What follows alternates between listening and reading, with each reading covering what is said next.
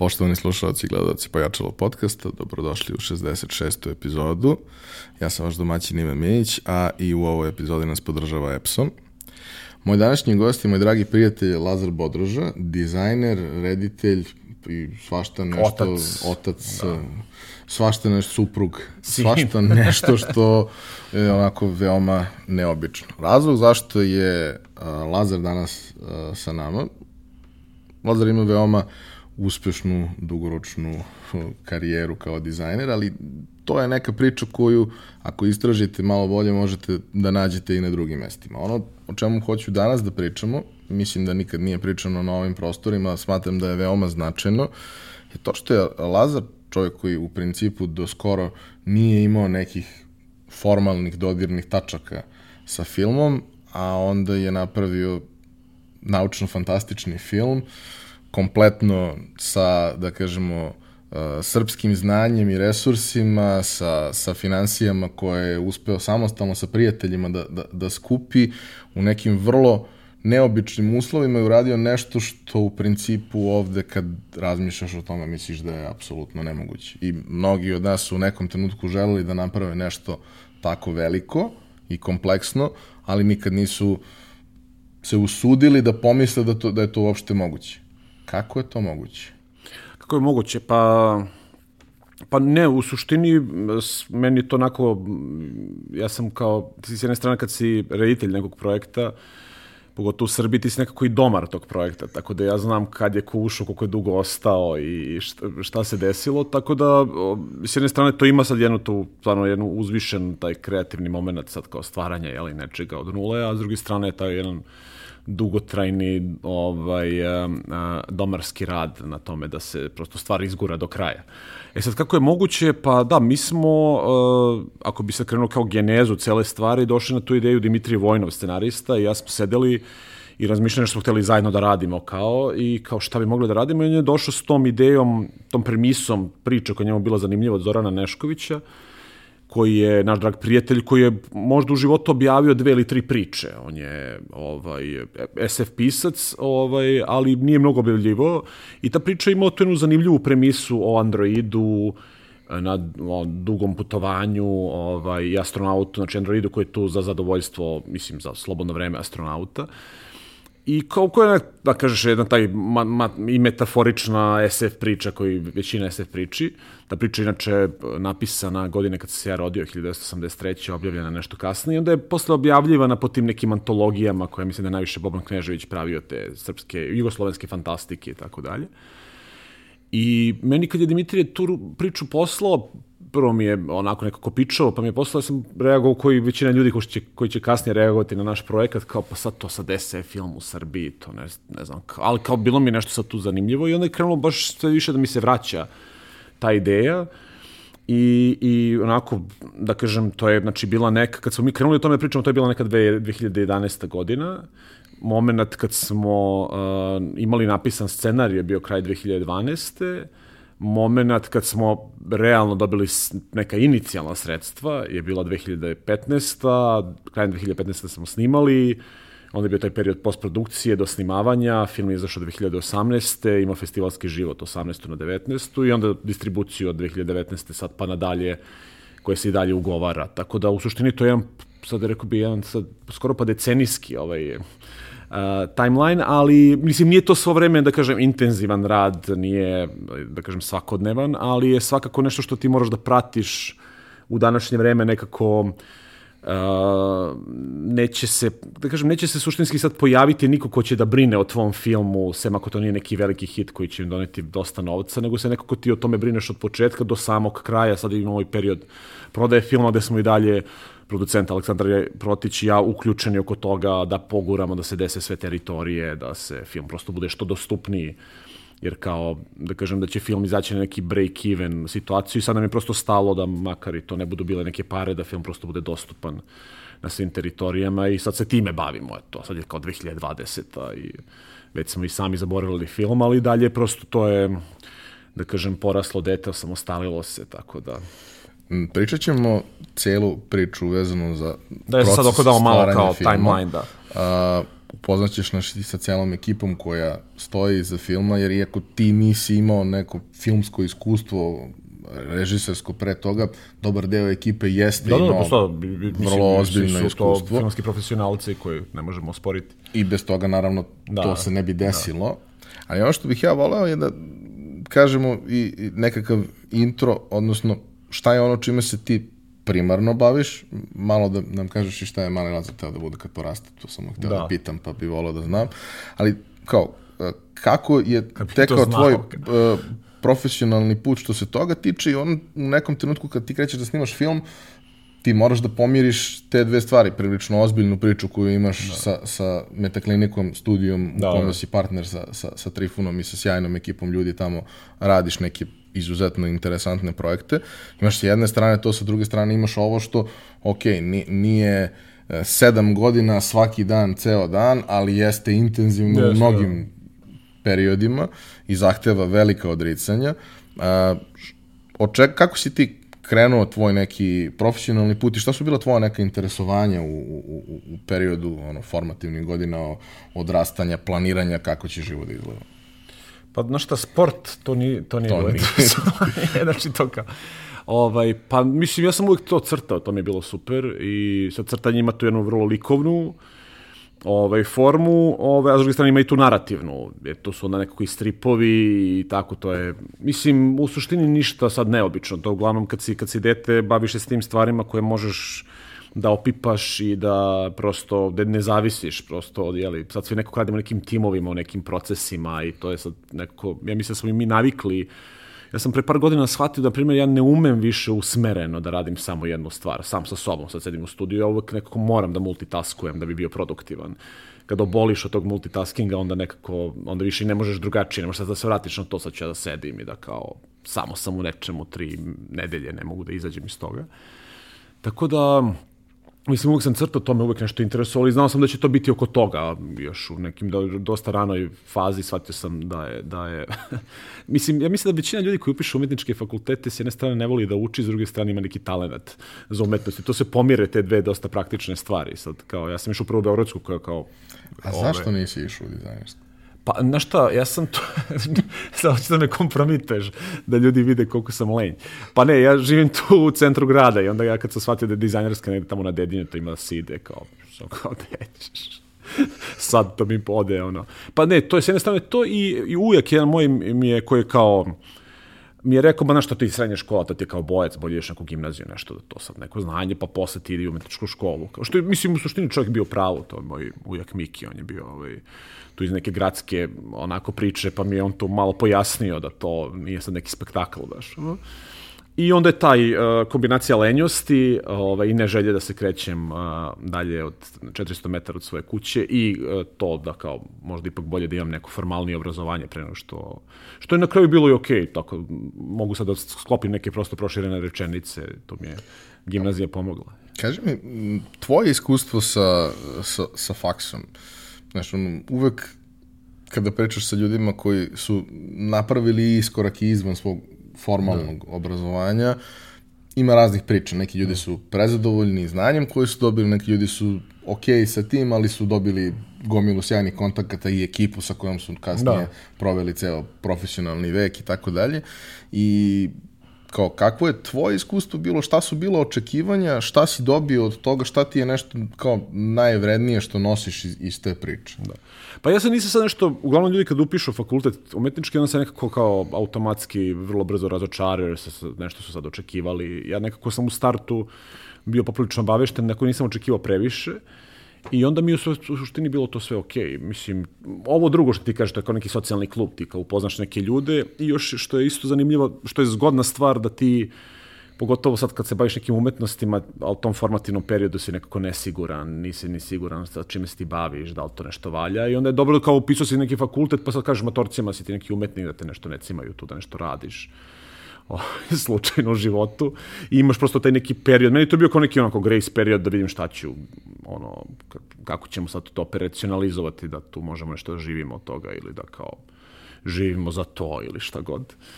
Tako da, da mi je to bilo kao, meni u suštini to, sad, sad iz ove perspektive kako to odmiče, to mi je nekako sve više super i super. Sad, kad sam, dok sam to studirao, dok sam stvarno bio u tome, taj neki protok vremena je bio potpuno, nije bio paralelan sa, sa tvojim tempom kao mladog čoveka. To, mislim da ta znanja koje sam tamo stekao, da to može se sabio neki kurs od dve godine, ne petogodišnju sad školu koja je tako kompleksna.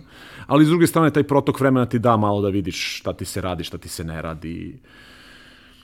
Prosto da, mislim da, tu, da je taj period, to neki 19. do 24. godine ili 20. do 25. kako kod koga, ovaj, da je to u stvari dobro i u tom periodu ti vidiš u stvari šta se tebi ne radi i vratiš se na one neke fundamentalne ovaj, stvari koje te uzbuđuju i koje su ti zanimljive. Tako da, to ima, znaš, ono kad često kažu ljudi, recimo, naš za rejitelja, kao rejitelj mora da zna šta hoće 100%. Mislim da to je zabluda, jer kao da bi rejitelj znao da bi sproveo nešto što 100% hoće, mora pod broj 1 da bude genije, što najčešće nismo.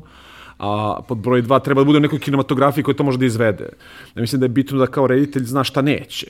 I da što više zna šta neće. Onda da to što hoće, to onda onako, ono šta može. da, da, o, to onda ideš onako malo sad, kao to malo, malo pljuni pa zalepi, malo precizno, malo pa se tu nešto desi, kao, i onda to na kraju na nešto liči. Tako da mislim da je to u stvari meni je fakultet pomogao da vidim šta neću, eto, kao, s čime se sigurno ne bi bavio od tih stvari koje tamo učiš i onda se nekako usmeriš u te stvari koje ti idu i kojima, nećem, koji ti idu relativno lako i onda nešto si u tome dobar i to je.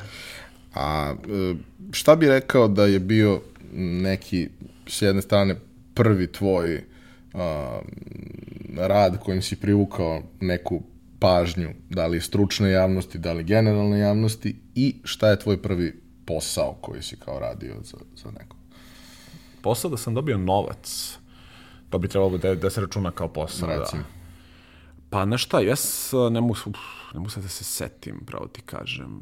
Mislim da je Uh, ja sam kad sam bio klinac pravio fanzine sa stripovima, kad sam imao recimo 16-17 godina, i onda su iz recimo u našoj krmači su uzimali te stripove i objavljivali, zato sam dobio neke pare. Tako da eto, možda možda da je novac, iako realno nisam radio ništa primenjeno, to je bilo što sam ja već napravio, pa oni to kao objave i kao ja dobijem po nekoj njihovoj metraži, ono, u novinama imaju tačno koliko su, koliko su centimetara si zauzeo, po tome dobiješ to nešto prebace u neke dinare. To se seća, tad sam imao 17 godina, to su bile kao pare da sam dobio ovaj, kao u ruke za nešto što sam uradio, a da nije, da kao, ovaj, mislim, uopšte nisam, ja nisam se čak ni bavio nekim drugim aktivnostima. Onda kad sam shvatio da to može za, za, za ubu da laštinu možda dobiješ neke pare, onda vjerojatno za neke stvari mogu da dobiješ i više novca. To, a, a što sam, da sam nešto privuku pažnju, pa to ne znam, mi smo, ja sam uh, uh, to fun, funkcionisao ovaj, u toj, to je neka, da kažem, umetnička skupina koja se zvala Kosmoplovci i da smo tu pravili sve i svašta od, ne znam, tih stripova koje smo bili do video radova, do Oktoberfesta koji je kao neka trash ovaj, uh, uh, sorry, mislim, ovaj, forma, video forma odrastanja inicijaciji mladih ljudi. ovaj, tako da jednominutna, jednominutni serijal. Tako da kao svašta smo i to je bilo nešto što čim sam privukao pažnje. Pretpostavljam da je to nešto, ne, mislim, tu postoje neki ljudi dalje, neki fanovi koji to prate. Tako da je to, eto, to bi, to bi bilo to. To bi bilo moje tužne priče. A u kom trenutku odlučuješ da formiraš studio i da krenete takvu priču? Mislim, sa, pa, sa Trifun ja smo to kao, to glavno nešto družiš se, pa kao dođu ti te ideje na pamet. Ja recimo nisam nijednom studiju radio pre svog studija, tako da to je isto zanimljiv fenomen. Ono. Tako da, uh, smo, on je već imao neko iskustvo rada po studijima, čak nekim jako dobrim studijima, i smo nekako shvatili da nam ništa od toga, vratno, neće odgovarati, da bolje da mi napravimo nešto svoje i da se nekako je tad je isto ta, ta institucija, da kažem, freelancera, ona i dalje je dosta slaba ovde kod nas, ali se ipak sad nekako razvila poslednjih godina i ljudi nekako i funkcionišu kao freelanceri, ali tad je to, to je bilo 2007.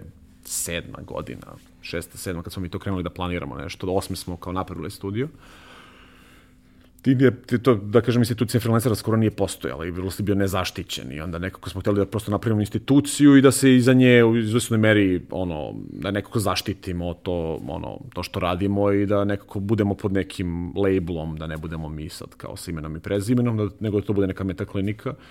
I to u početku onako išlo sporo, ali smo mi radili dosta za kulturu i NGO i tako smo ti bildovali neki svoj rukopis, da kažem. To mi je posebno interesantno, sećam se u, u intervjuima koje smo prethodno radili, a vezano za, za sam rad sa metaklinikom, koliko je zapravo taj pristup sjajan da, ok, to su poslovi koji nisu mnogo plaćeni, neki nisu plaćeni uopšte, ali ti daju slobodu da ti to uradiš na način na koji misliš da, da treba, što ti relativno brzo daje mogućnost da, da formiraš taj neki svoj prepoznatljiv vizualni da. jezik i kao ako hoćeš nešto u ovom stilu doći ćeš Pa da, i to je bio dug proces i onda su nas, ne znam, posle 3-4 godine prepoznale korporacije kojima je trebalo tako nešto s tim nekim da kažem, taj e, korporativna komunikacija s ljudskim likom. Samo da bude cool. Ne? Da.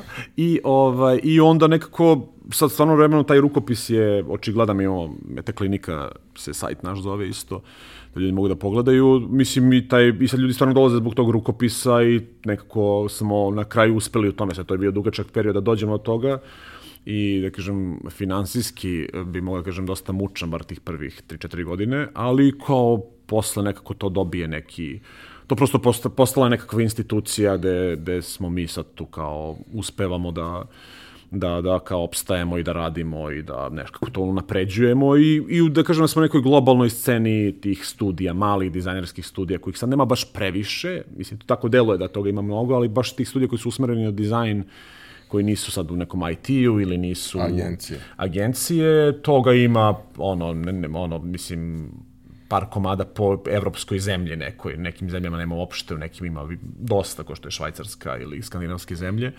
I s njima isto imamo neku vrstu komunikacije, čak s nekima i sarađujemo. Ovaj, tako da, da, da je to zanimljivo i sad taj neki sledeći korak gde dosta sad ima agencija, marketinških strani koji vole da sarađuju sa dizajn studijima i pojedincima, što kod nas naravno ne funkcioniše, ali, ali napolju, tako da radimo s nekim, radili smo sa nekim agencijama iz, ne znam, Njurka, iz, sa Islanda i tako dalje, tako da to isto bilo zanimljivo iskustvo. To mi je vrlo interesantno da ste vi kroz ono što radite postali prepoznatljiviji napolju nego što ste bili možda u nekoj široj javnosti ovde lokalno. A, I da bi se to u suštini dovelo do nekih veoma interesantnih projekata koje ste radili koje su neke koji su tebi, da kažem, značajni? Mogu ljudi da vide na sajtu svakako da, ono što da. ste izdvojili, ali nešto što je tebi značajno jer te možda dovelo do nečega dalje. Pa misliš sve, mislim, svi su nekako ti projekti nama, ono, mislim, nam ljudi dolaze na konto projekata i nekako je to sve uzročno posledično. Meni recimo bio super zanimljiv taj projekat koji smo radili kao za kutiju uh, sa semplovima za papire to je Europapir, to je firma koja funkcioniše, znam, 15 zamalja širom Evrope, sa sedištem u, u Beču, i oni imaju te semplove za papire koji ti sad, ako si štampar ili ako si dizajner, ti dobiješ te semplove, onda odabereš papir i štampaš na tom papiru, naručiš te papire i to je sad kao nešto što je prosto neophodno za neku komunikaciju. I oni su došli kod nas idejno da napravimo nešto što bi, pošto uglavnom imali neke kutije s nekim floralnim elementima i to što je onako kao bilo pristojno, ali nije bilo nešto previše privlačno za, za dizajnera, ajde kažeš, ili me bi to sve bilo interesantno iz te štamparske industrije. I onda smo mi napravili neki objekat koji bi nama bio super da ga imamo na stolu. I onda je ta kutija, ne znam da li prva ili druga koju smo radili za njih, sad je već mislim izlazi treća uskoro, je ovaj, izašlo Wired magazinu, što je kao meni bilo u članku koji je bio devet besmislenih proizvoda u fenomenalnom pakovanju ili tako nešto, što je sad meni bio potpuno dream come true, kao da sam kao, da, kao to izašao si u Wiredu i gomila mojih prijatelja koji su ono, nešto stariji od mene su me zvala da čestita, a gomila mlađih ljudi ne zna ni šta je Wired. pa su samo prešli preko toga, ali to je bilo onako, to je bilo da kažeš, to mi je bilo super kao taj moment i s tim smo nekako ušli u packaging, pošto mi, mi nikad do pre 3-4 godine nismo radili dizajn za nešto što se stvarno prodaje. Mi smo uvijek radili dizajn za nešto što ostavlja utisak, to su, ne znam, annual reportovi za NIS ili Gazprom, odnosno njeft. te stvari koje su neka, da kažem, ili stvari koje su za kulturu, znači ništa što je sad proizvod koji se sam po sebi prodaje. Možda sad neke knjige to, to isto ne računam kao neki ozbiljan proizvod i sad smo ušli u taj packaging, ima ovo Olga, ulje, bundevino, pa tako dalje. Tako da je to sad zanimljiv, zanimljiva neka oblast i to daje, to pomaže za visibility neki dosta brže nego nego sad kad radiš taj neki editorial dizajn u kojem smo mi bili neko specializovani. Ono što mi je posebno interesantno, sećam se, uh, sećam se priče o kutiji kada se prva verzija radila i kao većina ljudi kad razmišlja o tome razmišlja u smeru Pa dobro, šta nacrtali kutiju i to neko oštampa Da, da. nalepi. Nije poenta u tome. Poenta kad praviš nešto tako je da napraviš i prototip i sve ostalo Da, i da, da pa to dobro, da. bude kutija koja stvarno To je Pričamo mo- o nečemu što je relativno proizvodno, relativno skupo, te ti uzorci unutra tu Pa da, zašto se to, mislim, to se radi kod nas ta kutija, zašto se to ručno manje više radi, ne znam, 10.000 komada i onda, pošto je tako veliki tiraž, mi smo imali to dobru komunikaciju sa štamparijom, pa smo dobijali bukvalno prototipe u full štampi, full izrađene. Tako da to je, pa ne naravno, ali sad, mislim, uvek kako gledaš dizajn kao deo neke šire stvari marketinga, to jeste stvarno jedan šraf u sistemu, ali sad mi smo fetišisti koji se usko stručno bave time I to jeste, mislim, oblast koja je ono retro u smislu, tako što je i film dan danas. Mislim, to su sad sve oblasti koje su nekako se muzealizovale za jedan ono za jedan korak kako dolaze novi mediji i dolaze nove ovaj ali i dalje opstaju i nekako se više ljudima to znači ta taktilnost jer sad ti u današnje vreme ako ćeš ne znam da kupiš knjigu beletristiku neku. Bilo bi dobro da ono nešto liči da ti to posle zadržiš jer ako inače možeš to na Kindle da pročitaš lakše ti kad putuješ ne moraš da se maltretiraš sad s tim da nosiš ja ne znam kad idem na putovanje nosim po 10 knjige je to malo i nekad problem sa ovaj sa pakovanjem. Ne toliko u težini pošto su one lagane nego je problem u tom sajzu Tako da kao kad nešto želiš da bude fizički objekat, bilo bi dobro da liči na nešto da bude onako, da bi ga ti zadržao, da bi, jer sad imamo prema tom fizičkom nekako sve više bacaš stvari, oslobađaš se toga da ne bi bio ono zatrpan đubretom u roku od mesec dana u svojoj kući. Ali ima taj jedan moment koji je ono kao, e, citirat ću Jobsa, ono kao, di- dizajn je i kako momenta. radi. Dizajn je i kako radi. Dakle, nije samo stvar toga da to bude lepo, poenta je da mora da bude funkcionalno i da ta kutija Da. treba da naleže kako treba. Sećam se svoje vremena dokumentarca o tvom uh, pokojnom kolegi Francisu Fordu Coppoli i njegovim kutijama za uh, scenariju ili ne znam šta je već, Da. zašto je koristio, gde je on čovjek shvatio da ni jedna kutija koja postoji njemu ne odgovara, jer to ne naleže kako treba, nije kako treba. I onda je on uzeo i napravio po mere i rekao, hoću da mi napravite takvu i takvu kutiju. I Oni su ljudi proizvodili kutije za njega, jer kao, u njih se smeštaju neke bitne stvari, njemu je važno da to naleže savršeno, da ne bude ni previše loose, ni previše tight i tako dalje, kao, ja zamišljam, sećam se koliko je bilo tu rada na tome da prosto sve to unutra legne kako treba i zaista ostavi taj sjajan utisak, jer iako ljudima deluje, a dobro, to je kutija papira, tu postoje mnogo skupih papira sa vrlo nekim posebnim obradama i tako dalje i sama kutija proizvodnu tu firmu košta mnogo više nego neki, neki prosečan promotivni proizvod. Da, da, pa dobro, to je, mislim, mi se bavimo oneobičavanjem nekih relativno banalnih stvari, to nije sad ništa, mislim, sad ne izmišljamo neke nove ono, sisteme komunikacije preko, ne znam, 5G mreže, mislim, mi se bavimo nekim stvarima koje su se ljudi bavili pre 50 godina i taj čak, čak ceo taj neki timeless moment je isto nešto što je dosta zanimljivo da gledamo da neke stvari stvarno deluju uh, uh, da deluju dobro i za pet godina i za deset, da imaju to neku univerzalnu vizualnu vrednost i mislim da smo s nekim projektima i uspeli u tome, što mi nekako posebno, posebno značajno, sad studij već postoji, ne znam, 12 godina, tako da imamo sad i istorijsku distancu da možemo da, ovaj, da možemo da analiziramo to. Tako da, što se kaže, uz, a, ovaj, uz Božju pomoć možda ćemo napraviti neku monografiju gde ćemo moći da... da. Priča sa studijom se razvija, priča sa filmom kreće da teče u nekom paralelnom treku, da. u početku vrlo, vrlo skromno i sporo, ali št- šta se dešava, kako stvari kreću da se dešavaju? Pa ne, mi smo, znači, e, Dimitri i ja smo došli do te ideje da hoćemo to da radimo i onda je on, e, onda smo imali neki scenariju za početak filma, što bi mogao da bude neki kratki film, neki showcase, mada to se nije desilo, ali je to ušlo u film, to je onaj početak, onaj dijalog sa socijalnim inženjerom. I on je napisao neki sinopsis i mi smo onda tu već na nivou sinopsisa, znači nismo imali gotovo scenariju, krenuli da razmišljamo ko bi bio dobro za glavnu žensku ulogu u stvari.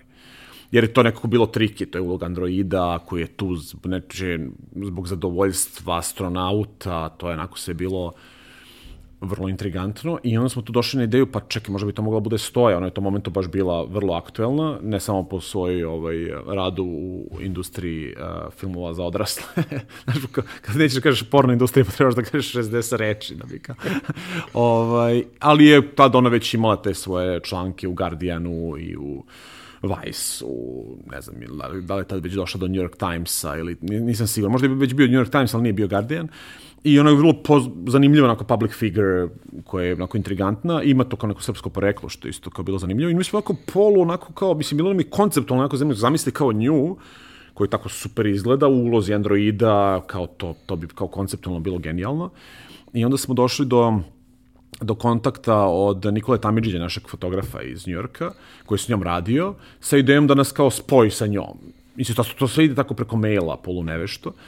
I on kao da, naravno, super sve, i on nas je spojio s njom, mi smo joj poslali taj sinopsis i kao rekli kao da li bi to njoj bilo zanimljivo, sa varijantom, znaš, ako prođe, prođe. I rekla, jao, super, kao meni se baš radi, i sad kao, sad moramo napravimo film, pošto sad smo kao, I onda, je kao, da, I onda smo tek onda napisali scenario. Tako da, znači, mi smo napisali scenario sa svešću da, da će ona tu glumiti, da ona nije glumica u profesionalnom tom, jel, akademskom smislu, da kažem.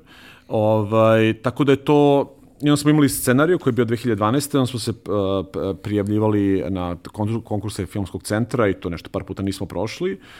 I onda smo se prijavili sa, sa produkcijom od Aleksandra Protića koji je i producent filma i koji je nekako u tom nekom, da kažem, scale-u producentskom stvarno izgurao projekat uh, ovaj, uh, onako junački gde smo mi dobili kao novac od filmskog centra 2014. ali nam je trebalo jednu godinu dana zbog nekih pravnih peripetija koji sad ne bi ulazio da taj novac izvučemo, što je bilo nekih tipa 97.000 eura, tako nešto, neka, neka, neki novac koji kao, s kojim ne ulaziš suštinski u snimanje dugometražnog filma ako si olan normalan.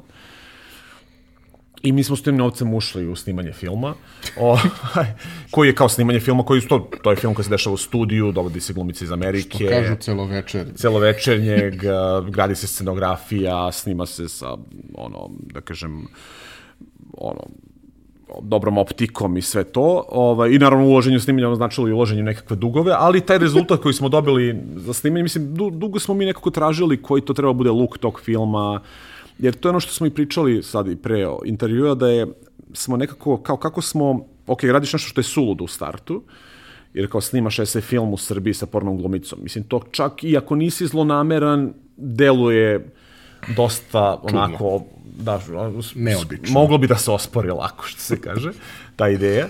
I onda smo kao, i sad nalaziš u toj situaciji da stvarno imaš jedno duboko nepoverenje ljudi koji te okružuju u nekom širem ili čak užem krugu, prosto kao, znaš, kako ćeš sad ti to da izvedeš i sve tako. I, i onda te to dodatno i motiviše. To je s jedne strane, kao to te motiviše. To sam ja spominjao kao, to iz, kao inat, mislim, ne misleći kao sad sam ja iz inata uradio daleko toga, ali to je jedna dodatna stvar koja je jedna, fina motivacija kad to su ljudi svi misle da si kao polulut što to radi, što te nekako meni je to uvek uzbudljivo. I, i, onda, I onda smo kao kad smo krenuli, uh, kad se tu priključio Kosta Glušica koji je direktor fotografije uh, i onda posle, posle je ne baš pred snimanja, ali par meseci pred snimanja Aljoša Spajić koji je scenograf, krenuli smo da razmišljamo o tom kao izgledu filma i u stvari smo došli do tog momenta da pošto mi to, realno niko to nije radio pre toga i mislim, oni su svi ljudi koji su ozbiljni filmski profesionalci, ali niko nije bio na setu, čak nije ni, bio, ni na, bio na setu SF filma, radio se onaj lockout pre toga kod nas, ovaj, Luke Bessonova produkcija, to je 2010 ili 9. snimano. Uh, ali niko od nas na tom setu nije bio sada da, da, da, ili radio na tom filmu dobije neki zaključak o tome i onda smo shvatili da moramo da imamo na tu neku prevaru percepcije, da moramo da idemo na to u stvari da, da nas ljudi ne izvale da mi to ne umemo, kao nego da nekako to radimo svo vreme tako da kao da, da, da to izgleda dobro iz neke, da kažem, iz neke kontre. Znači ne ono, e, ajde vidimo kako je to uradio, ne znam, Kubrick, pošto sad to je besmisleno uraditi. Uh, i nego kao da vidimo kako, kako ćemo mi na konto nekih naših znanja to laički da prevarimo percepciju ljudi, da to deluje ono, bogatije, skuplje i ovi uverljivije nego što stvarno jeste. Kao. Da, i kad smo kod toga, kutije je pravio Kubrick, nije pravio Coppola. To sam da, pogrešio. Da, da, da, da. Pa dobro, da, on je bio frik za te stvari, za pakovanje. Mada otko znam, možda bi Coppola, mada ne, kao, ali nikad se ne, ne znam. Ne, bilo je, bilo je Kubrick, ne znam da. zašto sam pomešao, ali... I ovaj, a, a, znači, cela stvar je u tome da kao smo se sve vreme bavili kao prevarom percepcije kako da sad to napravimo, da izgleda. I ja kad sam tražio reference, Znaš, uglavnom sad ljudi kao, sad je reference za se film, sad ako nekom doneseš sad filmskim, iskusnim filmskim autorima, sad pokažeš im, ne znam, Odiseju ili Blade Runner, sad ćete gledaju ko budalu, jer kao pod broj 1 nisi Kubrick, pod broj 2 ili Ridley Scott, pod broj 2 nemaš te pare. I onda sam nalazio dosta tih savremenih filmova, koji upadaju u tu neku nišu, kako bi u stvari ih ubedio da to možemo da napravimo. I recimo jedan od filmova koji je bio jako značajan je Beyond the Black Rainbow od Panosa Kosmatosa, Ove, to je sin od onog čuvenog kosmatosa koji je radio one filmove Cobra 2, Rambo 2 do 80-ih, one eksploatatorske akcione filmove. I on je, ovaj, sad je on pravio ovaj film Mandy sa Nick Cage-om.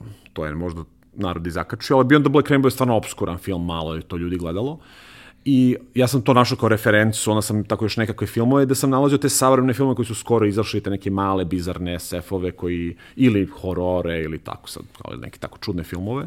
I to mi je pomoglo da nekako uspemo da stvorimo taj neki sistem, uh, vizualni sistem oko filma koji je bio dosta hazarderski, nije to sad bilo, mi do kraja nismo 100% znali kako će to izgledati ali ovaj, i, i Kosta je super napravljenu stvar uh, vezano za princip snimanja filma, gde se bilo onako, pošto je bio sagrađen set bilo je sve na mix seti, cela rasveta, tako da je bilo onako kao stari Hollywood, snimalo se sve, da kažem, svi totali su se, štimuzi su se pravili dosta brzo, duže smo čekali, ne znam, glumce da uđu u kadar nego rasvetu, što je uglavnom neobično.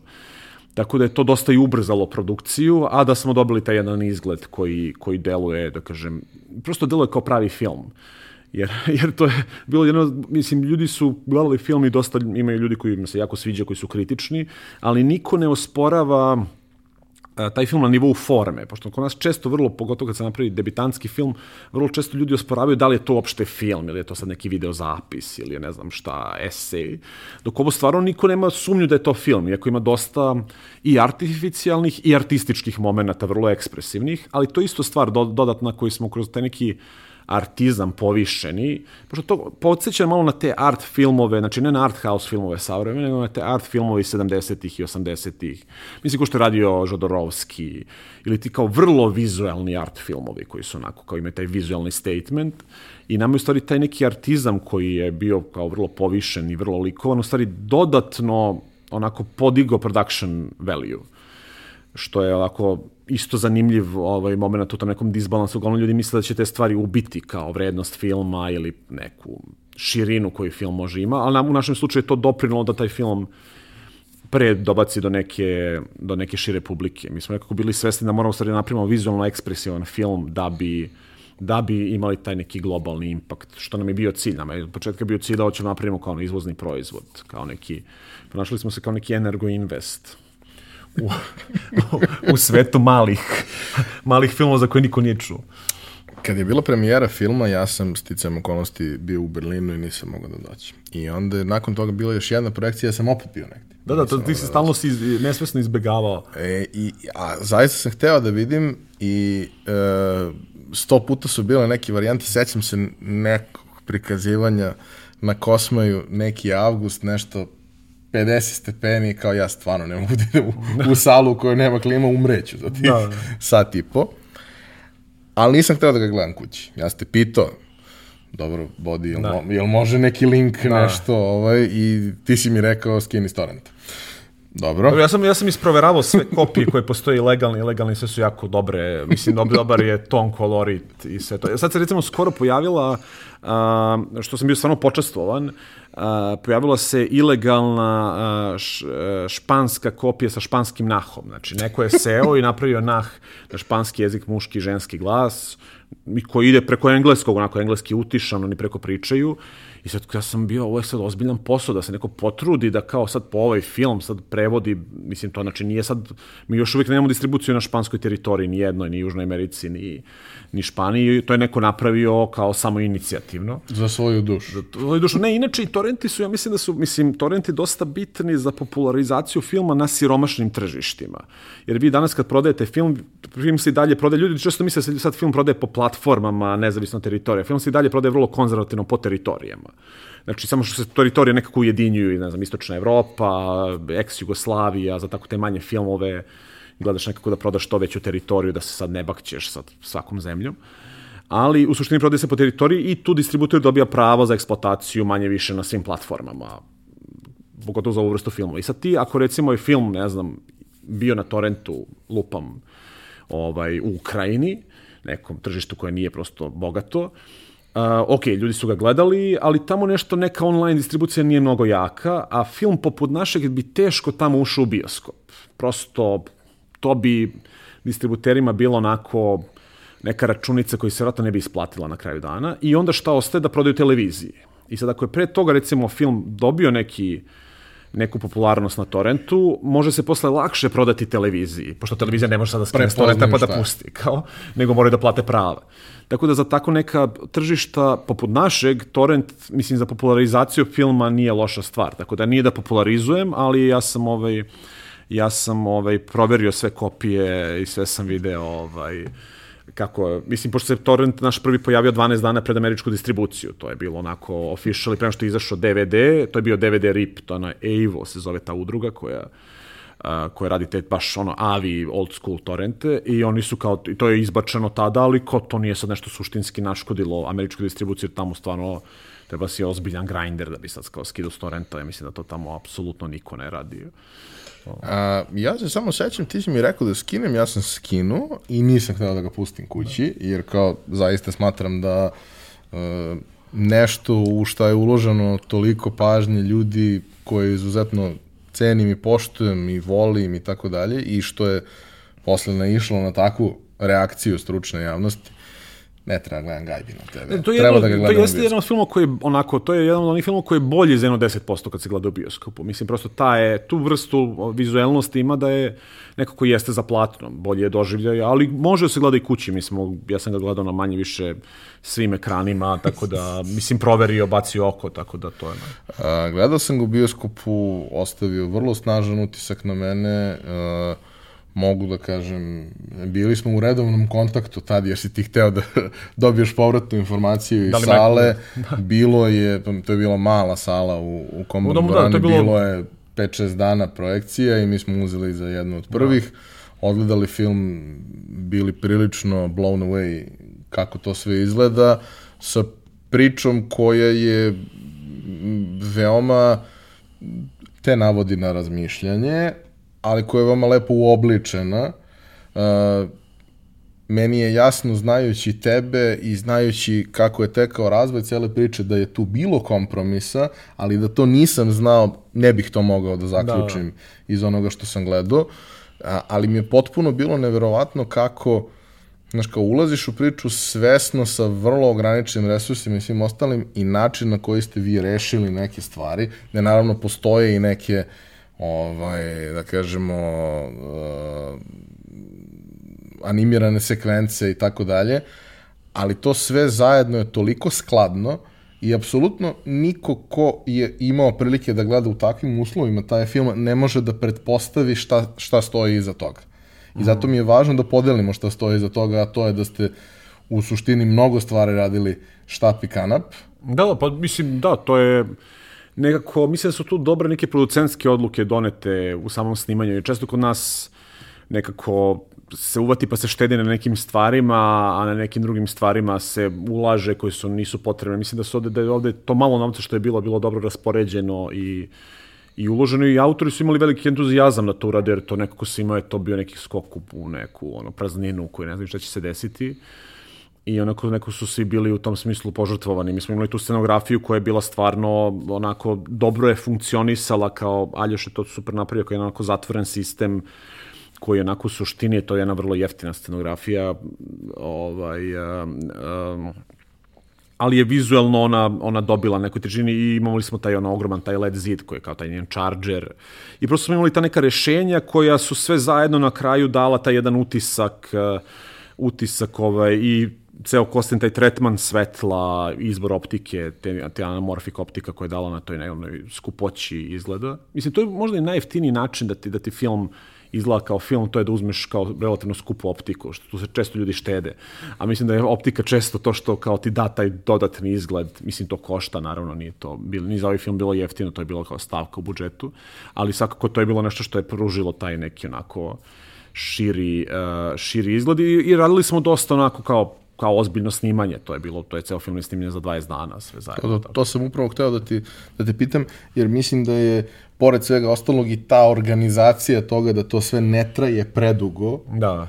odnosno stvari koje se plaćaju na dan, da ne Da, traju da. predugo, a stvari koje se prosto rade Da, nakon da. toga u nekoj postprodukciji da traju onoliko koliko moraju, jer prosto jeli, i svi ti ljudi koji su učestvovali u tome imaju neke prioritete. Jasno, pa da, mislim, danas se postprodukcija razvukla baš zbog tog ne, ne, ono, nedostatka novca i onda kad prosto, kad nemaš dovoljno novca, onda u kontekstu postprodukcije ono, prosto si u nekom drugom ili trećem šalonu prioriteta, ali se stvari dalje dešava. To su radili ovaj, prijatelji moji iz Primer studija i Fright, uh, Fright studija. I u tom smislu je to bilo onako stvarno jedan rad koji je bio onako malo maratonski, ali, ali je dao jedan rezultat na kraju koji je onako dosta, dosta referentan, ja mislim, i za njih, a, ali i za tu vrstu filma. Pošto ti prosto, kad, u Americi se isto često snimaju, ja kad sam bio po tim festivalima, na primjer u Brazilu, i sad u Brazilu je bio taj super festival Fanta, Fantasporto, da, ne, Fa- Fantaspoa, Fantasporto je u, u ovaj, Portugalu, Fantaspoa to je u Brazilu, Porto Alegre, to je neko malo mesto dole na jugu, već blizu Argentine, I tu smo, to je bio festival gde smo bili i tu je bilo dosta filmmakera iz Amerike i sad ti ovde kad nekom kažeš snimio sam film za 20 dana, svi kao pa kako, pa šta. Tamo su svi snimali film za 17 dana, 16, 20 i uglavnom su to first time filmmakeri ili čak drugi ili treći put snimaju. Isto tako grinderske filmove, jer oni ljudi ako ne snimaju filmove, oni nisu reditelji, oni nemaju sad tu titulu ta titula, mislim, oni mogu sad kažu, studirao sam režiju, ali kao, ako se ti ne baviš time, ako nisi svaka dva i po, dve i po, tri godine na setu, ti prosto nisi reditelj. I onda oni, stvarno kad vidiš koliko se oni time bave, koja je to pasioniranost, kao, da kažem, polureligioznog karaktera, ta njihova uverenost u to, stvarno vidiš koliko smo mi ovde razmaženi u Evropi, koliko smo, bio je jedan drugar iz, iz Nemačke, koji je imao isto tad film uh, ovaj, na, na festivalu i onda smo nas dvoje koji smo, mislim, s tog evropskog kontinenta gde je to sve ono državno finansiranje, kad smo videli te ljudi iz Amerike, čemu oni pričaju, koji su to načini rada, stvarno te to nekako motiviše, onako i, i kao impresivno je kako to, kako to, kako to kod njih funkcioniše, taj independent filmmaking je stvarno kod njih onako vrlo razvijen, pošto ja to uvek kažem, ako hoćeš da praviš film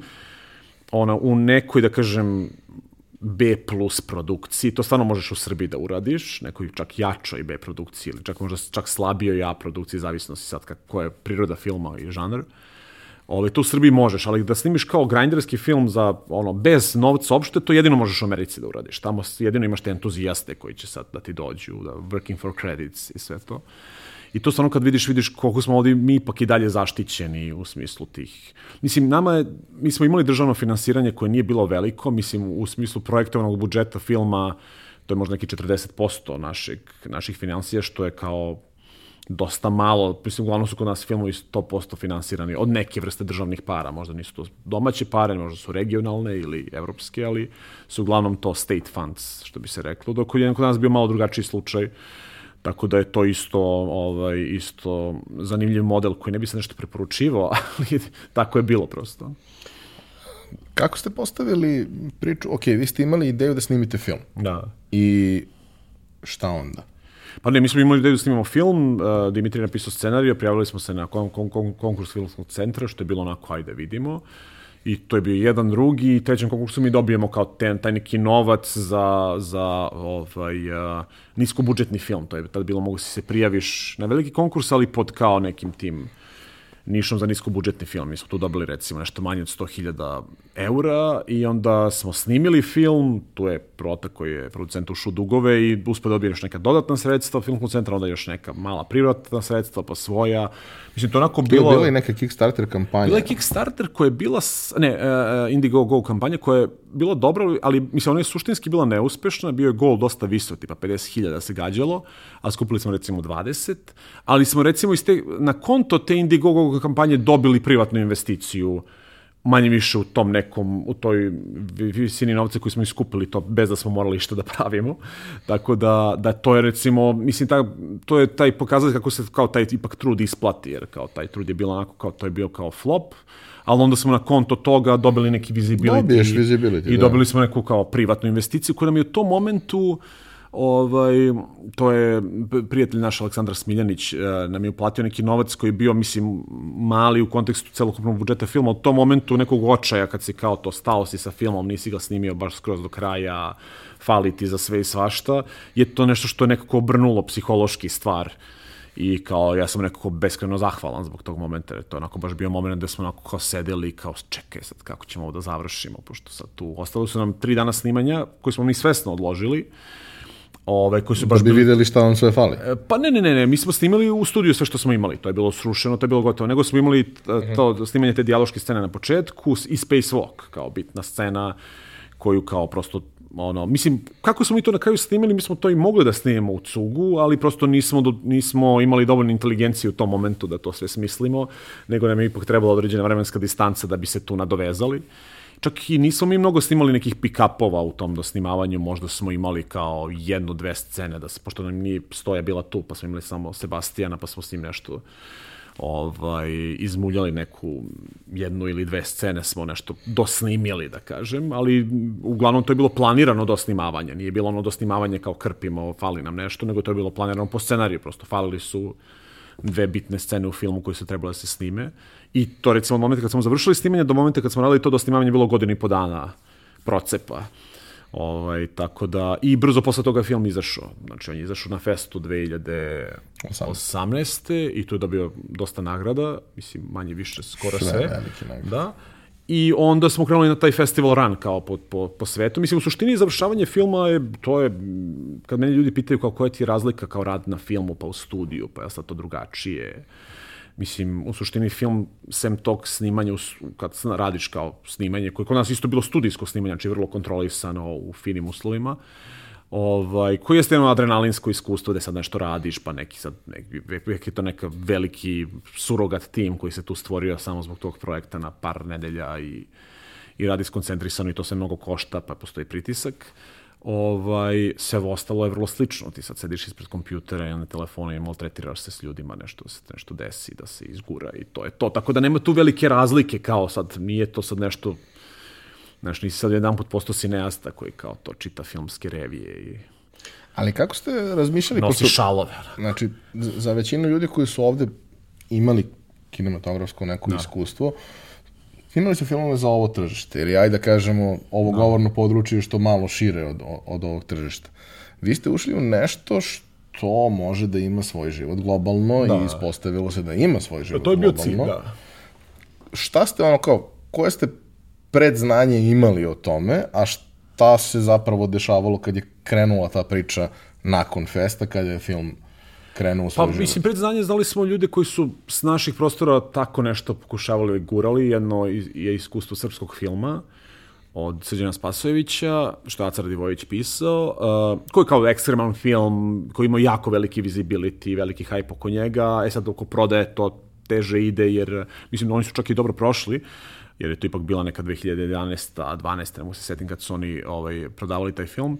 Ovaj, pošto je to filmska to tržište dosta suštinski konzervativno. Mi smo, nama je recimo to što stoje glumi u filmu bila super stvar za festivale i za neka tržišta, kao što je Italija ili Francuska, ali konkretno za američko tržište to se smatralo kao neki ipak polušum, kao sad ipak porno glumica, kako to marketirati, a nije sad girlfriend experience, nije sad ono... Pritom, ona i nije samo to, već Da, da, da. ima I gomilu on je jako dobro stvari, u filmu, da. ali ipak... Da, da, i on je stvarno kao glumački u filmu, stvarno... To, Fantastično. Da, da, to meni jasno. Mislim, mi smo bili iznenađeni. Jer mi kad smo nju kontaktirali, baš da se vratim na to sa njom, um, ona je rekla da, kao, ona bi htjela da radi i mi onda kad smo dobili te inicijalne pare, mi smo onda rekli kao, čekaj sad, šta ćemo sad da radimo, kao, mislim, sad je ova žena da zna da glumi, ne zna, jer sad u ovim današnjim porno filmovima, još ona glumila u tim porno filmovima, to je bio taj Digital Playground, to je bila njena produkcija, koja je kao, koja, to je kao neki ono Disney pornografije, da. Da. kažeš, to su sad neki porno filmovi sa radnjom, I sad to ono, sad ono vreme uh, našeg formativnog perioda, filmovi iz 80-ih i ne znam, kao, pa čak i 70-ih, ove, znaš, to su bili filmovi koji su sad kao daš ulazi naš udovica u detektivsku agenciju, pa sad tu kreće neka žvaka, ljudi stvarno glume, trude se, kako znaju i umeju, je tako? A sad, u tim današnjim filmovima, znaš, ja sam to kao, što, ajde vidim kao nešto glume tu, znaš, ih ono polu blam, znaš, kao, kao da su, ja kao sam nešto moraju da glume, ja, kao pre akcije, kao, i onda je to nešto, neka blamaža, nešto, vidiš da je njima prijatno, znaš, ne, ne trude se u glumačkom smislu. Tako da ništa nismo mogli da zaključimo iz, iz njenog, jeli, dotadašnjeg rada, ovako što se tiče njenih intervjua, ona je delovalo dosta zanimljivo i elokventno, i mi smo odlučili da mi nju dovedemo, da napravimo kao neku vrstu probnog snimanja, probnog castinga, to je bilo recimo jedno 5, 6, mislim, 5 meseci pred snimanje, na primjer.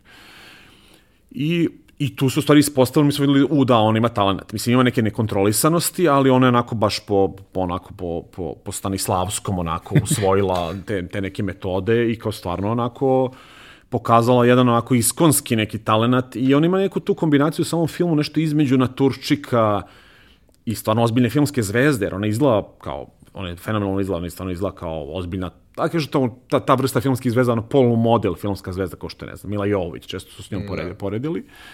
A s druge strane, ima, ima tu potpuno svest o kameri i sve ti vidiš da ona apsolutno vlada atmosferom oko, oko, oko sebe. A s druge strane ima tu jednu iskrenost naturščika, jednu tu nepredvidljivost prosto stvarno. I to je za naš, za ovu ulogu konkretno, sad ja ne znam kako bi se nas našao u nekom realističkom kontekstu filma, ali za ovo je ona stvarno mi se napravila genijalnu ulogu i, i nagrađena nagradom na festu, što je kao bilo, bilo super. I i veliko interesovanje posle bilo na festivalima. Tako da je tu bilo, mislim, bilo je tu dosta tih onako momenata da kažeš, onako rizičnih u tome, jer sad zoveš nekog ko tačno ne znaš da li zna da glumi u kojoj meri, da li ćeš ti sad morati sve da te... A, a svo vreme nekako zasnivaš koncept filma na njoj. I ne možeš baš da priuštiš sebi da 500 puta probate nešto, da, da, da. nego to ipak mora da ide nekim tempom koji je... Da, tako smo imali tu te, te, taj kao neki kao casting od tri, 3-4 dana i na kraju smo imali kao snimanje u studiju. Ja sam htio da vidim kako se ona ponaša kad je tu stano i rasveta i kamera i to smo se onako patili ono, da bi to, znaš, ipak i drugo kad vežbaš u sobi, drugo kad su sad to neki ljudi, neki filmski radnici, onim ribarskim praslucima. neki čudni ljudi. Koji idu okolo i viču, ajmo ljudi što se ne radi.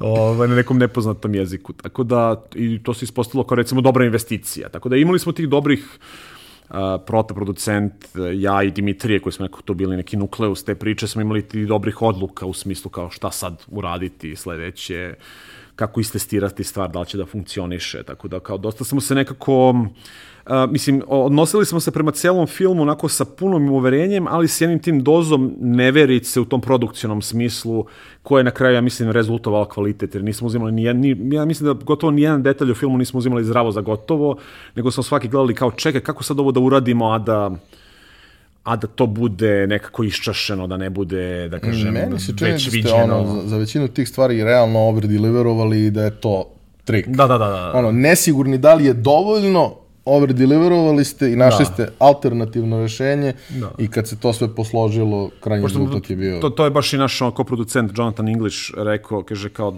kao dobro je što je kod ovih efekata, pošto smo VFX nešto kao gledali sve efekte, nekom timelineu, rekao, dobra stvar kod svih ovih efekata što su čudni, kao, they're all odd, kao, svi su, znači nisu ništa, ništa nije ono na prvu sad kao već si ga vidio, nego je da. sve onako malo zamuljano, čak i ako imaš direktnu referencu, nešto je tu onako u nekom je svumato, što bi se reklo. Tako da to je, to, to je bilo jedan od postupaka što smo u stvari svo vreme to preispitivali i gledali kako da stvar, e, pre svega u tom nekom vizualnom smislu, a i u smislu gradnje neke te cele dramske celine, ovaj, postavimo i muzika koja je Nemanja Musurić uradio, koja mislim da je odlična, to je sad izašlo kao uh, soundtrack, Universal ga je izdao, ovaj, o, austrijski Universal, tako da to može se nađe na ovim Spotify-ima i to ko sad sluša. Mislim na YouTube-u svuda ima. Tako da to, mislim da je taj soundtrack isto onako jedan onako ako jedno, jedno delo za sebe koje je diglo, diglo film na jedan nivo Mislim, sam, samo slikom film je već bio na jednom nivou koji je bio vrlo pristojan, ali mislim da je ta muzika dala taj jedan dodatnu nadgradnju uh, ovaj, i te neke lere emotivne koji... I ne samo muzika, nego generalno ceo zvuk. Da, da, da, i ceo, da, da, ceo dizajn zvuka, ali pošto je sve vreme, mislim, muzika je u momentima na granici sa sa ovaj, atmosferom, da kažem, odnosno što pripada jeli, dizajnu zvuka, tako da je to sve onako jedan i, i to onako vrlo rađeno, mislim, te dve godine što smo se stvari razvukli su dali na tom dodatnom kvalitetu, ja mislim, kod tih stvari, koje je teško ponoviti. Meni, sad kad pričam sa ovim producentima u Americi, ja im nekako objašnjavam da su smo mi film radili za neke, jel, jel, objektivno male pare i i za ovaj, ali smo imali dosta vremena, tako da što često u ovoj vrsti produkcije ti nemaš to vreme ti sad. Ako... Imali ste dosta vremena, mislim da ste imali malo i taj moment da ono, svi ste vi uglavnom prijatelji međusobno i svi hoće da se iscimaju da naprave zajedno jednu stvar koja Da, je da. stvarno značajna. Da, da. Ok, naravno, neki troškovi tu treba da se pokriju i prosto Jeste, je to da, to tako, je sve, da. ali niko to nije radio sa ciljem da se sad tu, ne znam, kako zaradi i to mnogo više, to bio stvar reference, Da, da, da. ovaj, a i tog momenta da dokažeš sebi da je to moguće. Jel? Da I da desi, jedni da. drugima dokažete da je to moguće, da pokažete ako ti veruješ u to, ja ne mogu da ne verujem u to. Ja verujem u tebe i samim tim ja verujem u to. Mislim da, je taj moment. Pa da, to je, ja sam, znam kad smo završavali film, da kad, kad su se nešto raspravljali oko nekih kao scena, ja sam u nekom momentu rekao, te šta, mislim da je bitno da kao postoji jedan čovek koji je apsolutno zadovoljan filmom, bilo je dobro da sam to ja. I onda će biti svi drugi zadovoljni. Mislim, prosto, ja ono nekako, to onda se širi nekako tako. Jer, jer ovako, znaš, to je često, znaš, kad ljudi imaju ideje, onda svako negde vuče na neku stranu, to ne ispadne, kao na kraju ipak mora bude neki taj jedan rukopis. Nego zatvori, iako je dosta ljudi imalo dobre inpute, mislim, u tom nekom užem krugu producentskom i kreativnom imalo dosta dobre inpute vezano za, za, za ceo film uh, i, i nekako i uh, kad smo radili na samoj montaži filma Milena uh, Mima Petrović je stvarno onako dala jedan onako jednu startu direkciju jednog tona filma emotivnog koje je meni bilo jako zanimljivo da ima taj jedan balans neke muške i ženske energije, ovaj, da ne bude ne prosto, je lako može da prevagne i, i kao pipav je film na, baš, baš na, tu, na tu neku temu, da kažem, tako da pošto se ti, jel, time i bavi u najvećem delu. Tako da, da mi je to nekako bilo baš dobro što smo uspeli da napravimo taj neki balans i da to, mislim, meni, ja volim takve filmove da gledam, tako da ja sam možda tu i, i subjektivan. Ovaj, u smislu, s jedne strane, neko kad nešto završiš, nekog ti se i ne vraća, ovaj ra- razgovori poput ovih umiju da budu i mučni, sad moraš nešto prisećaš bilo čega, što je sećanje samo po sebi je zamorna stvar. I onda imaš taj moment kao da nekako onda uvatiš, pa hva, u, znaš, shvataš stvari zdravo za gotovo, pa nije ni bitno, kao to smo mi to nešto napravili. Završili smo. U stvari kao demistifikuješ, u stvari još više mistifikuješ sve, kao, jer kao nećeš u stvari ništa da kažeš kako je stvarno bilo. I onda kad imamo intervju, moram se skoncentrišem, se stvarno setim kako je nešto išlo. da je bilo mnogo više mučno nego što, ja, nego što ja sad dozvoljavam sebi da se setim. Uh, hajde da priču sa, sa filmom uh, završimo tim kako je tekao s jedne strane zašto je značajan festivalski život, šta ste vi videli tu i šta Da. ste doživjeli toga i kako je tekla ta cela priča dalje oko distribucije, odnosno sad negde treba da se povrati investicija koja je, koja je napravljena. Pa u suštini e, mi smo imali već pre, pre premijeru u Beogradu, smo imali dogovor, e, načelan dogovor za američku distribuciju. Bukvalno Jonathan English, naš koproducent, on je otišao u LA, bio je tamo, ne znam, mesec, dva dana i kao išao je, razgovarao je sa mnogim ono, distributerima i na kraju smo došli do Grindstona, odnosno Lionsgate-a, koji su imali neku ponudu koja se sad tu nešto dogovarala, dizala levo desno i onda smo sa Arclight Filmsom, znači već je Grindstone bio dogovoren, odnosno Lionsgate i sa Arclight Filmsom koji su vrlo respektabilni producenti, distributeri i, i sales agenti, ovaj, smo dogovorili da oni nas reprezentuju za ostatak sveta i da handluju naravno tu američku ovaj, delivery za američku distribuciju. Tako da je to bilo onako mi smo u suštini već kad smo na festu imali premijeru imali dogovoreno, da kažem, Najvažnije. da, najvažnije da, da idemo za Lionsgate i da, ovaj, i da i da nas Arclight, uh, znači pošto vi imate sales agente, onda sales agent prodaje film lokalnim distributerima, to tako funkcioniše. Sad kod tih velikih filmova često, ne znam, uzme Universal, pa uzme film za ceo svet ili uzme za ostatak sveta, neko uzme za Ameriku, to su sad srećnije priče, ali ovo je kao išlo kao, oni sad će ići prodavati po ostatku sveta, pa kako sad uspeju. Tako da je to tad već bilo manje više dogovoreno i potpisano, ja mislim, s njima već na Berlinu na marketu, a, a već je to krenulo da se prodaje na, na ne, ja mislim, već tad na Berlinu ili, ili posle na Kanu. Na tim, na tim velikim marketima oni tu pravite najveće prodaje. Sad što se tiče, paralelno smo imali festivalski život i Amerikanci su u stvari, uh, Lionsgate rekao mi pravimo release početkom 2019. i oni su po ugovoru imali da niko ne može da krene pre njih. Zato je nama distribucija bila stvarno kao ti proper američki filmovi. Tipa imali smo festival run i onda je krenula distribucija u Americi i posle Amerike možda taj isti dan, day, day by day, ali kasnije kreću svi ostali. Tako da oni nisu dozvoljavali um, distribuciju, niti prikazivanje u Americi pre nego što oni krenu s distribucijom, što je isto blokiralo priču oko tih američkih festivala i tako dalje. I mi smo imali dosta fin festival run uh, po, da kažem, um, najvećim žanrovskim festivalima kao što su Siges i Brisel u Evropi i imali smo te neki manje zanimljive festivali kao što je Tarkovski fest u Rusiji koji Pavel Lungin uh, održi, koji je super festival i ne znam, taj Fantaspoa u, u Brazilu i imali smo te neke middle range art house festivale kao što su, ne znam, Kodbus, uh, u Varšavi isto je, mislim, Varšava je veliki festival. Uh, tu smo bili u nekom pratećem programu, smo već imali premijeru u Rusiji, pa nismo mogli da uđemo u taj debitanski i tako, to je bilo onako jedan film i fin, fin, mislim, to što se tiče nekog odnosa sa prodajom, suštinski nema preteran uticaj, mada ima par primjera, recimo, mi smo Italiju prodali 6-7 dana posle festivala u Trstu, koji je čuveni SF festival, i tu je i stoja bila i bila veliko interesovanje novinara i sve tako. I onda smo tu o, imali baš pres konferenciju gde smo pričali s novinarima. I onda su novinari, sam se ja slučajno zakačio njihove porno industrije u tom kao i onda su ovi novinari pa jesi gledao ovo, jeste gledali ovo, sad stoja ništa nije gledala od tih italijanskih ludila kao i onda kao tu je otišlo potpuno drugom pravcu. Ali da recimo to je primjer da smo imali kao na festivalu smo imali kao premijeru koja je bila super, to je bilo veliko njihovo ono operskoj sali koja imala 800 mesta, bilo je puno ravno.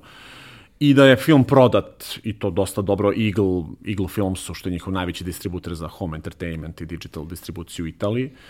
To je recimo primjer da je festival direktno uticao na prodaju, ali uglavnom to, to sem ako nisi ubo neki od tih velikih svetskih festivala što su to kao Cannes, Berlin, eh, Venecija i s druge strane tamo kod njih Sundance i South by Southwest i Toronto, naravno, Toronto je možda čak i najbolji sad za to, da, da ti se desi da ono imaš premijeru, pa da oma ga u, ono, prodaš full.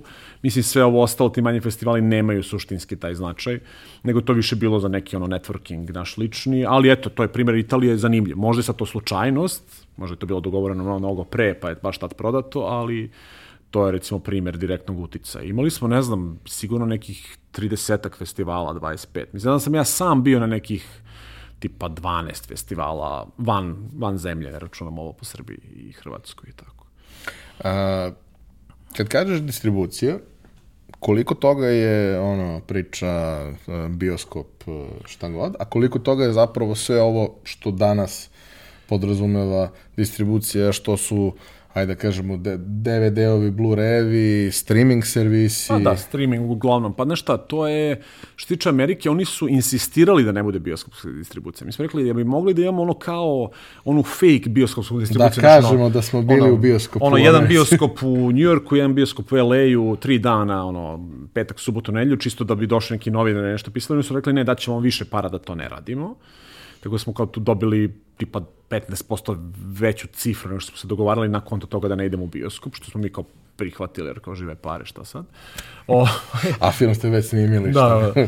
Ali, jer mislim da, oni, da Lionsgate to nije hteo, jer bi onda onim box office rezultatima izašli s nekim, ono, pošto se to sve ulazi u box office, čak i ako si nekom malom bioskopu, to bi onda izašli oni smešni rezultati od, po ne znam, hiljadu i po dolara je zaradio u box office u domestik i to, vjerojatno da bi to preskočili tu vrstu i prosto neće ljudi time se bave, oni ljudi imaju neke svoje vratno algoritme s kojima radi, oni ako si ti ta home entertainment, onda si home entertainment i oni su stvarno grunuli, to je svuda dostupno, e, čak i onim Redbox kioscima za DVD, ren, re, rentiranje DVD-a kao DVD, tako da je to stvarno ono kao strašno prisutan film na svim tim pay-per-view ovaj, platformama kojih ima milijardu, kao mislim, vjerojatno svako ko ima smart TV može da da li preko Apple TV-a, da li preko čega god, Amazona, Microsofta, svega, da, da, može da, tako da to što se tiče Amerike, u Italiji je bila DVD i Blu-ray distribucija i vratno digital, u Francuskoj je uzao Amazon Prime ekskluzivno samo za njih, znači mi smo za Francusku i francusko govorno područje u, u Evropi, mi smo Amazon Prime-ov kao release u suštini, tako da to može se nađe samo kod njih, nije pay-per-view, znači to je ako si korisnik, možeš da, da vidiš. I napravili su odličan francuski nah koji je fenomenalan. Uh, Ovaj, tako da sam kao svaki evropski reditelj sam doživao da film ima francuski nah, što mislim da je to highlight. Ovaj, u Italiji isto ima italijanski nah koji je malo aljkavi, ali je dalje dobar. Mislim da je highlight jedno večer pre 10 godina na nekoj konferenciji, sad mrtav umoran, dolazim u sobu, palim televizor, Mađarska Balaton, ja? palim televizor, Kustovica na Mađarsku. Pa dobro da, on je, da. Nadreal. Kako da ne, da. Tako da, ovaj, uh, Tako što se tiče distribucije, znači to je Amerika, Kanada, to je Lions gdje imamo ceo daleki istok je otišao. To je čak negdje bio bioskop, recimo u Hong Kongu. ili tako negde, što je otišao Hong Kong, Tajvan, uh, Japan, Južna Koreja, nažalost, nije severna. Da smo imali pozive sa festivala u Pyongyangu, to je zanimljivo. Ali I nisi pa ne, pa ne, nešto sa kraju, nešto su oni kao, e, nećemo ove godine, ali možda sledeće, znaš, to kod njih, kao kad je bio film, nije ni bitno, kao, koliko je aktualan. Ovaj, I ne, mi smo, ne, pošto, ne, mi smo dobili poziv iz Pyongyanga, znači, sa nekog maila, hoće za festival u Pyongyangu film. I sad, pošto je nama generalno u Sa Pyongyangu, mail. Da, da, ne, da, na mailu oni šalju podar i kao bukvalno mi vidimo koji je mail, sad da vidimo, možda nas neko, možda nas neko prenkuje, možda nas loži.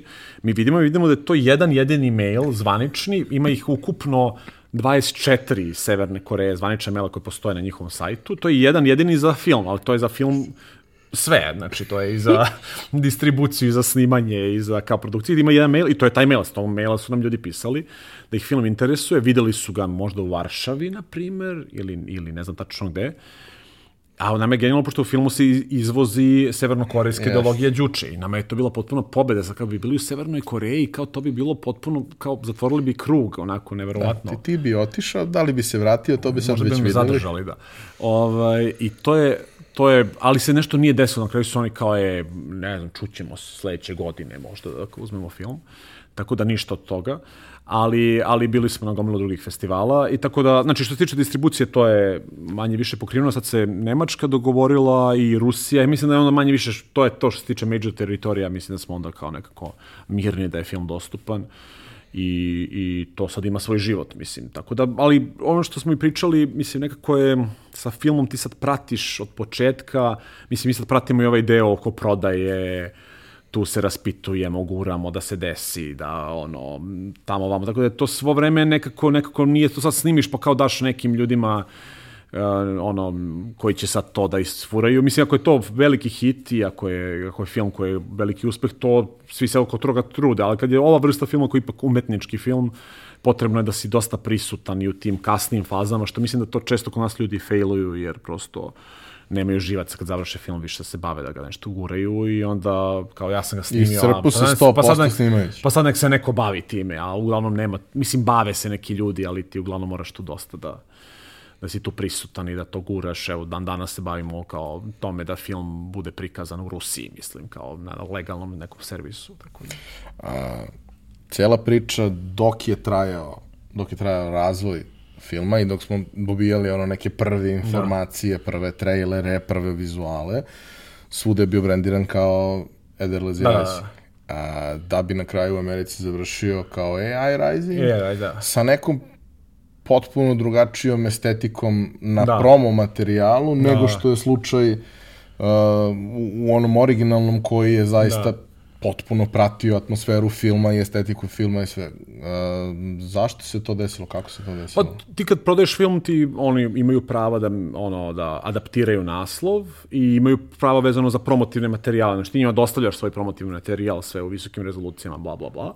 Ali onda oni i oni su napravili svoj trailer koji je kao, mislim, bio okej, okay, ali onako žešće misleading trailer koji je to kao neki akcioni film. Mislim da je ono dosta ljudi, mi smo imali dosta tih inicijalnih negativnih kritika, user kritika u Americi, ovaj, baš od ljudi koji su prosto dobili prevrano očekivanje, mislili su da je to, to sad neko rokanje, ono, mašina čovek, neka jurnjava, a u stvari to su neki film, nešto sad kao malo se svira, malo se pleše, malo. malo, malo film koji ipak malo, mislim, Ederlezi je kon, konvencionalan film, suštinski, nije to sad nikakva, ono, neko ludilo, ali je onako, ja kažem da je to konvencionalan film na lekovima, malo, je na lek, malo ima te distorzije, kao desi se dramska scena, pa onda malo nešto boje, što se razliva. Tako da ko voli malo tako na lekovima, to, je, to ćemo prijeti. Ali sam film nije, nije značajno menjan. Ne, ne, nisu, ne, oni se nisu bavili. Oni, pa možda da su se bavili montažom bi bila još bolja distribucija. Što više se oni bave tvojim filmom, veće su im ambicije, prosto to je tako. Ali ne, ne, nisu su ništa dirali film. Kao, mi samo smo morali da napravimo taj telo, mislim, film da su da piše Air Rising umjesto Air Lezi u, u Deliveryu filma i to je bilo to, a sad taj delivery je naporan, to sad pravi 16.9 verziju, pa ovu verziju, pa ono, pa levo, desno, pa na 25 frame pa na 24, pa sad neki haos, to je baš bilo onako, za njih, baš su onako, što se kaže, crvena krvna zrnca, sve ono, a, taj Delivery za Lionsgate je bio pakao, a i pravno ugovori i sve tako. Ovaj, ali, je, ali je to, mislim, u suštini oni to menjaju, oni su napravili neki poster koji je odvratan, ali kao pretpostavljeno njima to radilo posao, da su znali šta rade s time.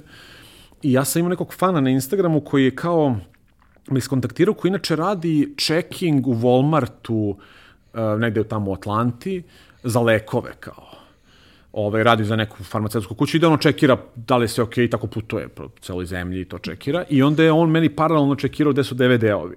I onda mi je slao svake nedelje, kao ono, bukvalno mi pošalje report kao da je bio DVD, kao u kom, da je da sad, sad je otišao na ovaj drugi shelf iza, tako da je to bio, znači, kao de, to je bilo na DVD-u u Walmartu, što znači da je to jedna dostupnost koja stvarno sad ulazi u jedno onako ovaj, u jednu onako ozbiljnu ozbiljan teren kad si ti sad dostupa nekome da te uzme onako sa kao... I pričamo o filmu koji ima koliko, 7.500 ocena na IMDb. Pa tako nešto, mislim da je to, to imamo nešto i na ovom, kako se zove, ovom, onom drugom Rotten Tomato, to isto mm. dosta se dobro drži. Uh, Ovaj, mada smo shvatili da IMDB, iako je to američki sajt, da to više konzumira ekipa sa Balkana, Istočne Evrope i sve to, tako da je... Ljudi koji traže filmove da Traže film da bi skinuli posle Storenta, da, da to nije toliko prosto, vidio sam prosto i kako sad funkcionišu ti razni ono producenti da njima IMDb nije im to ono prva stavka, to im je ono kao e daj ajde stavimo i poster na IMDb, ali to im je onako tek se sete Ovaj, nije, nema, nema im toki značaj, ali ovde dosta, mislim da ovde su svi dosta ažurni sa IMDB-om, mislim da su srpski filmi na IMDB onako pohranjeni. uh, kao posledica takvog filma i takvih rezultata, ti si došao u priliku da sada je gotovo izvesno da će snimati još jedan film. Da, da I tu je bilo raznih nekih e, prethodnih koraka dok to još nije bilo potpuno zvanično. Sve sad možemo da pričamo o tome da je zvanično jer su objavili gomila U portala. Hollywood Reporter, da, da, je izašlo pa onda to je. Sećam Ako je tamo izašlo, onda, onda, se, onda se verovatno već i desilo. Perez Hilton i tako dalje. Šalim se. Ovaj, koja je priča sa novim filmom? Samo ukratko, nećemo da otkrivamo pa, previše, film je, ali... Da, distribu, ovaj, uh, producenti su Arclight Films koji je nama bio i sales agent za ovaj film. Uh, I oni neko kad su videli da realizu su rekli pa čekaj imamo scenarij, ovi ljudi imamo i to da naprave, nekako im je to bilo onako, onako impresivno. I videli su tome neki interes prosto. I, i onda su, to je jedan scenarij koji je pisao ovaj, uh, Toby Gibson, to je, on je producent i scenarista iz Australije, koji inače radi kao producent, u producentskim timovima za razne te neke velike filmove koji se snimaju u Australiji i on je napisao taj scenarij onako, jedan od tih scenarija koji su onako dobri za čitanje, za realizaciju su već malo problematični, dok su se tu malo bavili doradama scenarija i onda nam se priključio, priključio Pete Bridges. Pete Bridges je scenarista koji je, ne znam, njemu je sad, na primjer, Cameron za svoju produkciju kupio scenario i tako. On je sad jedan od tih onako hollywoodskih scenarista koji su onako na boju. I bilo je su zadovoljstvo raditi sa njim u, za, na tim nekim finalnim verzijama scenarija. Mislim, ja sam se tu priključio, radili smo na scenariju, onda smo krenuli da zovemo praktično da atačemo talenta. Producenti su zvali kao filmske zvezde, prosto nama je potrebna ta neka velika ženska filmska zvezda da bi se to sad sve pokrenulo i produkciono i svakako. I onda smo na kraju došli do Megan Fox, ona je, ona je ovaj, se atačovala za projekat i bio taj veliki, onako, što kažu, splashy announcement pre Berlinala, pre marketa u Berlinu, koji je izašao isto na Variety, u Hollywood Reporteru, što je onako bilo, ja mislim, najveća vest od svih njenih filmova koji su izašli kao vest na Berlinalu. A ona je imala period nekoliko godina kad nije snimala Pa da, da, ona nije nešto, pre, da, da, ona nije nešto, da, da, previše aktivno, praktično od, mislim, realno od 2012. sem tih, ono, Ninja Kornjača, kako neke velike franšize, mislim da ona nije imala ništa, ono, i ole veliko. I on je sad u jednom comebacku, tako da ovaj film će biti kao u nekom talasu njenih comeback filmova. Nismo jedini. Ovaj, I tako sad, mislim, mi smo imali datum snimanja koji treba bude danas, ovo mislim datum kad snimamo, sad kad puštaš ovo, ali to je 8. jun, Ove, to nam je bio datum zakazan za snimanje. Ove, I sad čekamo, do stvari delimo sudbenu srpskog naroda, čekamo datum. Sad smo u čekanju datuma. I vidjet ćemo kako će se cela ta priča razvijati. Ti si mi obećao da ću dobiti nekakve insajderske informacije kako se to bude razvijalo, već da. i do sad smo pričali da tu postoji opcija da zapravo dobar deo filma ponovo bude pravljen u Srbiji. Pa da, to, to je njima ideja, zašto su oni videli da mi to možemo da napravimo i kao ajde da ovi ljudi sad to urade samo, eto, mi ćemo dovesti zvezdu, imamo naš scenario, mislim, koji je kompleksniji i, i onako veći je to film, ali je produkcijno on dosta sličan Ederleziju, da kažem. To je, Semirska stanica je u pitanju, uh, ali je više suspens, da kažem, uh, ovaj, ima, imate thriller elemente više nego Ederlezi, tako da, ali isto jedan onako melodramska priča, ima i takvih flashbackova što mi je zanimljivo, to nisam nikad radio, tako da... Ovaj... Pa, znam da si vežbao. Vež, navežbao sam se. Vežbao si na, na letovanju, sećam se. da. Pa to, to. Tako da, ono, to sad čekamo, sad to je isto taj frustrirajući moment, ali kao više sila, to je sad kao ova korona, i sad to sad sve opšte, ovo sad foliranje oko toga, kako će se snimati, kojim uslovima, to sad trebamo da preguramo, ali, ali da, ideja je da se to snima ovde, sad vidjet ćemo, ovaj, vidjet ćemo koliko će nas sad ovaj istorijski kontekst korone u tome omesti, da li ćemo ovaj, da li će to sve da se desi kako smo planirali, ali dobra stvar što ti producenti, mislim, oni žive od toga. Mislim, njima taj film treba da bi... Dobro, i oni ljudi oni razumeju kontekst, mislim, i tamo je sada jo, na još dodatnih načina se situacija zakomplikovala, Jeste, da, da. tako da ako se to bude, o, ako se stvari smire i ako sve bude bilo kako treba, to će se izbasno desiti, samo će se čekati možda malo više nego što da, da. je potrebno. Ali sve se pomerilo, mislim, bioskopi ne rade već mesecima, pričali smo i o tome, ovaj, ali kao u nekom trenutku će sve to se nadamo se vratiti. Da, ja sam njih pitao kao kako to ide, sad imate vi dalje interesovanje distributera s kojima ste pričali i se to on kaže, pa ne, kao interesovanje je tu jače nego ikad, nego je više stvar dila i verovati sad, kao da, da stvoriti mislim, proizvod. Ljudi i dalje konzumiraju te sadržaje, čak da. i konzumiraju više nego ikad, da. ali konzumiraju u kućnim uslovima primarno. Da. I ceo taj, mislim, uvek taj rad sa velikim zvezdama, on povlači prosto jedan veći veći. Pa veći nivo stresa i veći nivo budžeta, ne samo taj hospitality i sve to, nego su sad to i safety momenti i ne znam, onda to poveća broj nekih personal asistenta, nekih sad ljudi koji su na setu, koji sad paze da sad ono se ne, de, ne dese neke nepredviđene stvari i sve tako. Tako da je to onda sve, mislim, to dosta poskupljuje film nego kad mi sad ovde, manje više svi se znamo, glumci sede sa ekipom. da, da glumci tu sede sa ekipom, niko sad tu nije nešto, ne trebaju motohomovi, ne treba ništa. Tako da u tom smislu je to sve samo onako da kažem kvantno povećava, povećava trošak nečega što je inicijalno nije ne bi trebalo da je komplikovano, ali produkcijno je vrlo, vrlo slična stvar koju smo već radili, tu se osjećamo dosta samouvereno, jer kao jedan put smo već to prebrinuli. I sad jedina stvar koja mene u tome svemu prosto ne sad plaši, ali od kome dosta razmišljam je u stvari taj vremenski moment što uh, neću imati sad svo vreme ovog sveta kad se završi snimanje da film realizujem, jer to je prosto industrija gde kao od momenta kad si snimio film do momenta kad se on pojavio u distribuciji ne bi trebalo da bude više od 9 meseci. Ili čak 6, od 6 do 9 meseci je nešto normalno, to znači da nije problematičan projekat da se ide kako treba. I to je sad nešto što je, što je kao, što će biti novi izazov u odnosu na... A ideja je da ti vodiš i postprodukciju svega. Pa da, da, to ide da, da to... Ključ u ruke. Pa, to bi sad, ono, ne znam, ako će neko drugi da se bavi, nije problem. ovaj, ali ja mislim da, mislim pa da, svakako, pošto imamo određeno, ono, nisam po prirodi nešto kompulsivan i obsesivan, ali kad je dođe do toga dosta jesam, tako da tu mislim svakako imat ćemo mi tu VFX supervizora i sve to, ali vratno ću dosta tu o, imati ovaj hands-on pristup da prosto ovaj, ako stvari ne idu u dobrom pravcu, to je postprodukcija se dosta, mislim, odmogao sa svojim idejama, kao i svaki reditelj, ali sam i pomogao u smislu tog, ono, pripakivanja vremena. Kad vidimo da nešto ne ide, ajde to ostavljamo sa strane, pa ćemo vidimo za ovo što ide, da poguramo jače. Mislim, prosto sam i prilagođavao u izvesnoj meri, mislim, ovaj film jeste jedno prilagođavanje autorskog izraza produkcionim okolnostima. Ovaj film je, s jedne strane, nastao zbog jel, neke sad iskrene artističke želje da se nešto kaže, a s druge strane je kao nastao kao odgovor na produkcijone okolnosti. Dosta rešenja je izašlo iz toga što je onako zanimljivo samo po sebi za, I, za ljubitelje.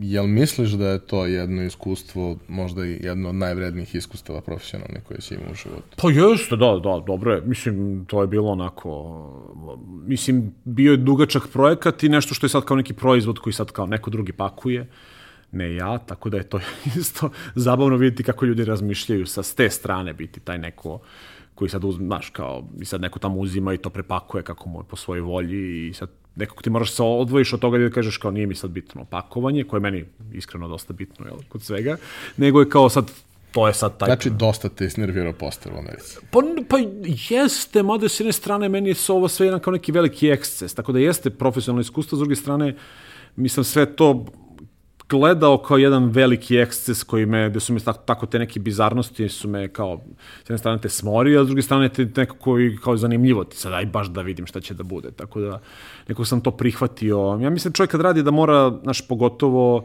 ako već, ako već nije ovaj, prošao kroz neki kao grind nekog ozbiljnog, uh, u, kod mene u filmskom smislu, sad nekog profesionalnog, uh, sad rada, da sam ja sad radio nešto na setovima, pa bio neki asistent, pa to, znači ja sam to sve preskočio. Onda je dobro taj određenu dozu amaterizma koju nosiš u sebi da prezerviraš i da ga prosto iskoristiš kao, kao vrednost u svemu tome. Tako da je meni to, ako mislim da je to gajanje amaterizma ipak ključna stvar, jer mi i ovde potičemo svi iz neke, u stvari, manje više većina ljudi iz neke te underground amaterske kulture koja je bila dosta jaka što od bivše Jugoslavije, što i ovim, ovim, sad je to sve manje i manje, ova sad omladina, to, taj, ovaj, to amatersku kulturu. Dosta je omladina mainstream, da. da.